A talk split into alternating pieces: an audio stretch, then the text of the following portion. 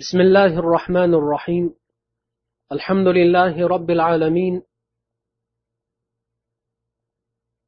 والصلاة والسلام على خير خلقه محمد وعلى آله وصحبه أجمعين أما بعد السلام عليكم ورحمة الله وبركاته hurmatli mo'min birodarlar bu shamoili muhammadiyadan o'n to'qqizinchi darsimiz bo'lib bu darsda bitta bobda kelgan hadislarni o'qib o'rganamiz inshaalloh باب ما جاء في صفة كلام رسول الله صلى الله عليه وسلم في الشعر وفيه أحد عشر حديثا payg'ambar sollallohu alayhi vasallamning she'r aytishlari haqidagi bob bu bobda o'n bitta hadis rivoyat qilinadi avvalambor shuni eslatib o'tish kerakki payg'ambar sollallohu alayhi vasallam arab qabilalarining ichida she'riyat bobida eng mohir shoirlar qabilasiga mansub bo'lishlariga qaramay she'r yozishni aslo bilmasdilar chunki alloh taolo u zotning haqqlarida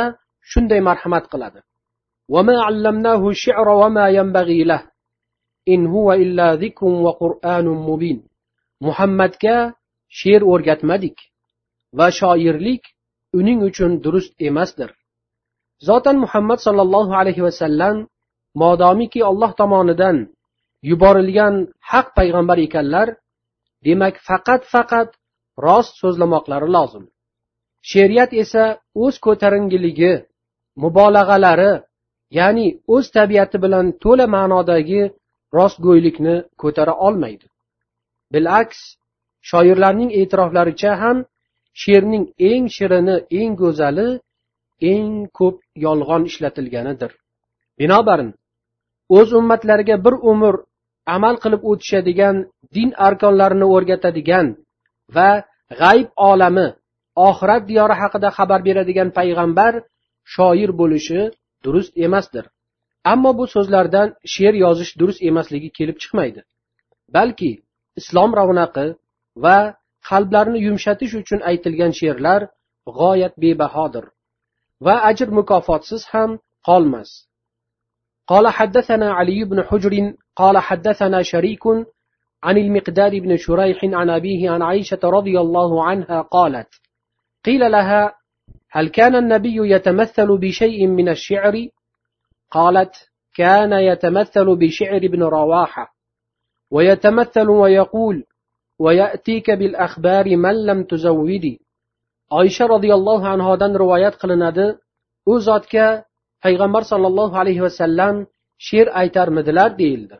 Shunda oysha onamiz payg'ambar sollallohu alayhi vasallam ibn ravohaning she'rlarini yodga olib aytardilarki senga xabar keltirur ul odamiyki sen unga bermagan eding bunda yordaming. Demak u zot boshqa shoirlar to'qigan she'rlarni aytar ekanlar. Garchi o'zlari she'r to'qishga qodir bo'lmasalarda modomiki bu she'rlarda islom uchun nusrat bo'lar ekan قال حدثنا محمد بن بشار قال حدثنا عبد الرحمن بن مهدي قال حدثنا سفيان الثوري عن عبد الملك بن عمير قال حدثنا أبو سلمة عن أبي هريرة رضي الله عنه قال قال رسول الله صلى الله عليه وسلم إن أصدق كلمة قالها الشاعر كلمة لبيد ألا كل شيء ما خلا الله باطل وكاد أمية بن أبي الصلت أن يسلم أبو هريرة رضي الله عنه دان روايات قلناد أزات أيتدلاركي rasululloh sollallohu alayhi vasallam aytdilar shoirlar aytgan so'zlarning eng go'zali shoir labidning she'ridir u shunday degan edi ey ogoh bo'ling ollohdan boshqa hamma narsa botildir va shoir umayyat ibn abi solt ham islomga kirishiga andakkina qolgan edi. Mulla ali qori aytadilarki labid payg'ambar sollallohu alayhi vasallamning huzurlariga o'zining qavmi tarafidan elchi bo'lib kelgan edi. So'ng ko'fa shahriga borib o'sha o'lkada hayotining oxirigacha istiqomat qildi. Shoir johiliya davrida ham islomni qabul qilgandan so'ng ham hurmat e'tiborli she'r yozishda mohir shoir sifatida sanalgan. Lekin qur'onni eshitgandan keyin she'r yozishdan tiyilib menga qur'on kifoyadir degan ekan قال حدثنا محمد بن المثنى قال أنبأنا محمد بن جعفر قال حدثنا شعبة عن الأسود بن قيس عن جندب بن سفيان البجلي قال أصاب حجر إسبع رسول الله صلى الله عليه وسلم فدميت. فقال هل أنت إلا إسبع دميت vafi sabilillahi ma laqiti. Jundub ibn sufyon al bajali aytadilarki payg'ambar sollallohu alayhi vasallamning bir barmoqlariga tosh tegib ketib qon oqdi. Shunda u zot ey qonagan barmoq senga kelgan bu balo olloh yo'lidadir deb bir shoirning she'rini o'qigan ekanlar. Bu jarohatlangan barmoqlari oyoq barmoqlari edi deydi ba'zi ulamolar. قال حدثنا ابن أبي عمر قال حدثنا سفيان بن عيينة عن الأسود بن قيس عن جندب بن عبد الله البجلي نحوه. إمام ترمزيga جندب بن البجليdan ibn abi umar ham shu hadisni rivoyat qilgan ekanlar bundan keyingi hadis قال حدثنا محمد بن بشار قال حدثنا يحيى بن سعيد. قال حدثنا سفيان الثوري. قال حدثنا أبو إسحاق عن البراء بن عازب قال قال له رجل أفررتم عن رسول الله يا أبا عمارة؟ فقال لا والله. ما ولى رسول الله ولكن ولى سرعان الناس. تلقتهم هوازن بالنبل. ورسول الله صلى الله عليه وسلم على بغلته وأبو سفيان بن الحارث بن العبد المطلب آخذ بلجامها. ورسول الله صلى الله عليه وسلم يقول أنا النبي لا كذب. ana ibn abdil muttolib bu hadis al baro ibn ozib roziyallohu anhudan rivoyat qilinadi aytadilar. Bir kishi bu zotga aytgan ekan ey abo umora sizlar hunayn g'azovati kuni payg'ambar sollallohu alayhi vasallamni tashlab qochib ketganmidinglar? Shunda u zot aytdilarki yo'q allohga qasam unday qilmaganmiz. Payg'ambar sollallohu alayhi vasallam ham qochmadilar. Lekin odamlarning yengiltaklarigina maydonni tashlab qochib ketdilar. Havozin qabilasi ularni o'qqa tutgan edi. Rasululloh sollallohu alayhi vasallam esa hajr eshaklarini mingan holda edilar. Sufyon ibn al horis ibn abdul muttalib rasululloh sollallohu alayhi vasallamning eshaklarini yuganidan ushlab olgan edi. Rasululloh sollallohu alayhi vasallam esa men haq payg'ambardirman. Yolg'onchi emasman abdul muttalibning o'g'lidirman deb turardilar. Payg'ambar sollallohu alayhi vasallam shunday dovyurak edilarki jang maydonida yolg'iz o'zlari qolsalar ham ortga qochmagan edilar. Bu esa u zotning chinakam payg'ambar ekanliklariga yana bir bor dalildir. Sahobalardan rivoyat qilinishicha aytadilarki agar jang avjiga chiqib urush qizg'in bo'lib xavf xatar kuchaysa bizlar payg'ambar sollallohu alayhi vasallamning ortlariga chekinib urush qilar edik u zot esa urush maydoniga shahdam kirib borar edilar قال حدثنا إسحاق بن منصور قال حدثنا عبد الرزاق قال حدثنا جعفر بن سليمان قال أنبأنا ثابت عن أنس أن النبي صلى الله عليه وسلم دخل مكة في عمرة القضاء وابن رواحة يمشي بين يديه وهو يقول خلوا بني الكفار عن سبيله. اليوم نضربكم على تنزيله ضربا يزيل الهام عن مقيله ويذهل الخليل عن خليله فقال له عمر يا ابن رواحة بين يدي رسول الله صلى الله عليه وسلم وفي حرم الله تقول الشعر؟ فقال النبي خل عنه يا عمر فلا هي أسرع فيهم من نضح النبل. Anas ibn molikdan rivoyat qilinadi aytadilarki payg'ambar sollallohu alayhi vasallam makkaga umraning qazosini o'tash uchun kirganlarida ibn ravoha u zotning oldilariga tushib shunday der edi. Ey kofirlar avlodlari payg'ambar sollallohu alayhi vasallamning yo'llarini to'smangiz aslo. Agar to'sqinlik qilsalaringiz sizlarga shunday urush qilamizki boshlaringni tanangizdan judo qilamiz do'stni do'stdan ajratamiz shunda umar roziyallohu anhu aytdilarki ey ibn ravoha payg'ambar sollallohu alayhi vasallamning oldilarida va ollohning haram yerida she'r aytasanmi shunda payg'ambar sollallohu alayhi vasallam aytdilarki qo'y ey umar chunki she'r ularga kamollarning o'qidan ham qattiqroq botadi قال حدثنا علي بن حجر قال أنبأنا شريك عن سماك بن حرب عن جابر بن سمرة قال جالست رسول الله صلى الله عليه وسلم أكثر من مئة مرة. وكان أصحابه يتناشدون الشعر ويتذاكرون أشياء من أمر الجاهلية وهو ساكت وربما تبسم معهم. jobir ibn samuradan rivoyat qilinadi aytadilar rasululloh sollallohu alayhi vasallam bilan birga yuz martadan ortiq o'ltirganman ashob kiromlar u zotning huzurlarida she'rlar aytishib johiliya davrida bo'lib o'tgan qiziq hodisa va voqealarni zikr qilishar edi.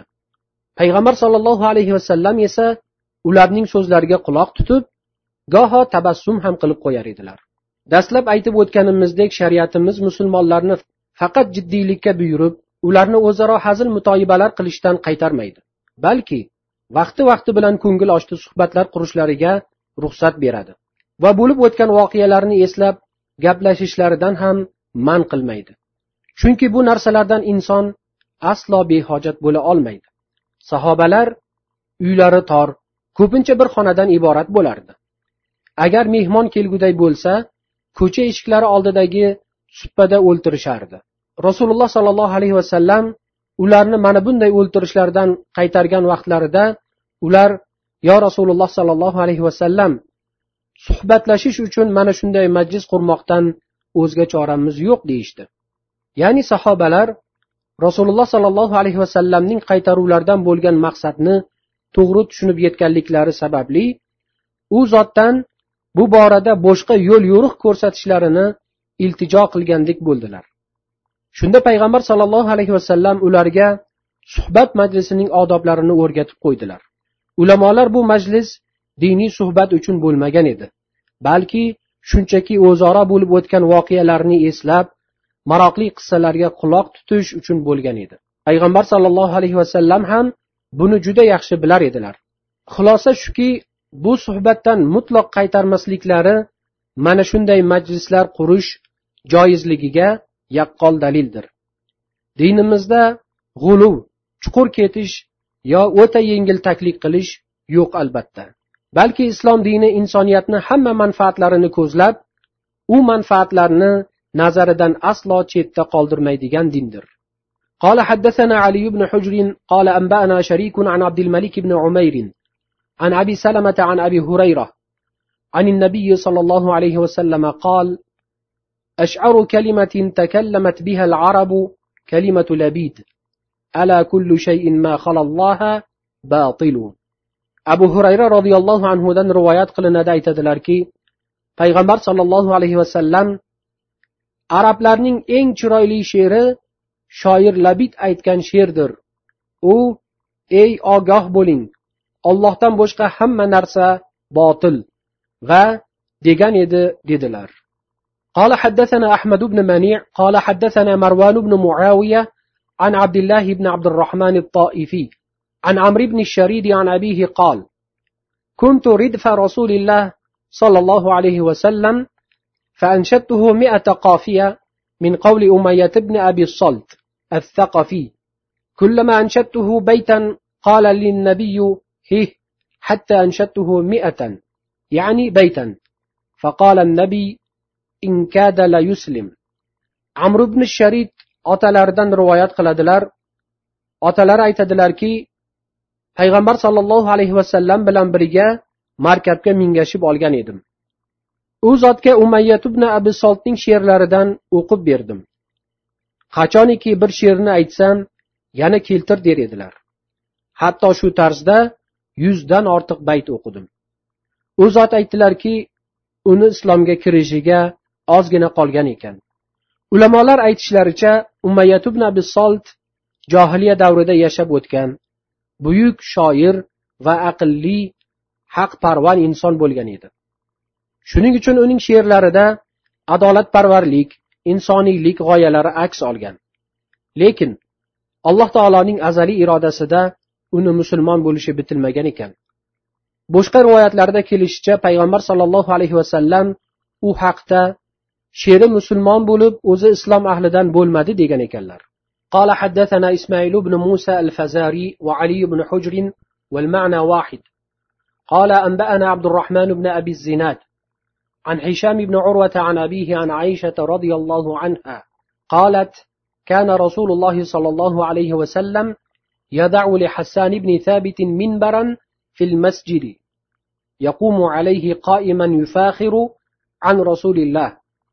أو قال ينافح عن رسول الله ويقول رسول الله إن الله تعالى يؤيد حسان بروح القدس ما ينافح أو يفاخر عن رسول الله صلى الله عليه وسلم oysha onamizdan rivoyat qilinadi aytadilarki rasululloh sollallohu alayhi vasallam hasson ibn sobitga masjidda minbar qo'yib berardilar hasson minbarga chiqib payg'ambar sollallohu alayhi vasallamning qadrlarini ko'taruvchi madhiya she'rlarni o'qib u zotni kofirlarning ta'nalaridan himoya qilar edilar rasululloh sollallohu alayhi vasallam esa alloh taolo hassonni jabroil alayhissalom ila madadlab turadi modomiki hasson allohning rasulini himoya etar ekan deb turardilar قال حدثنا إسماعيل بن موسى وعلي بن حجر قال حدثنا ابن أبي الزناد عن أبيه عن عروة عن عائشة رضي الله عنها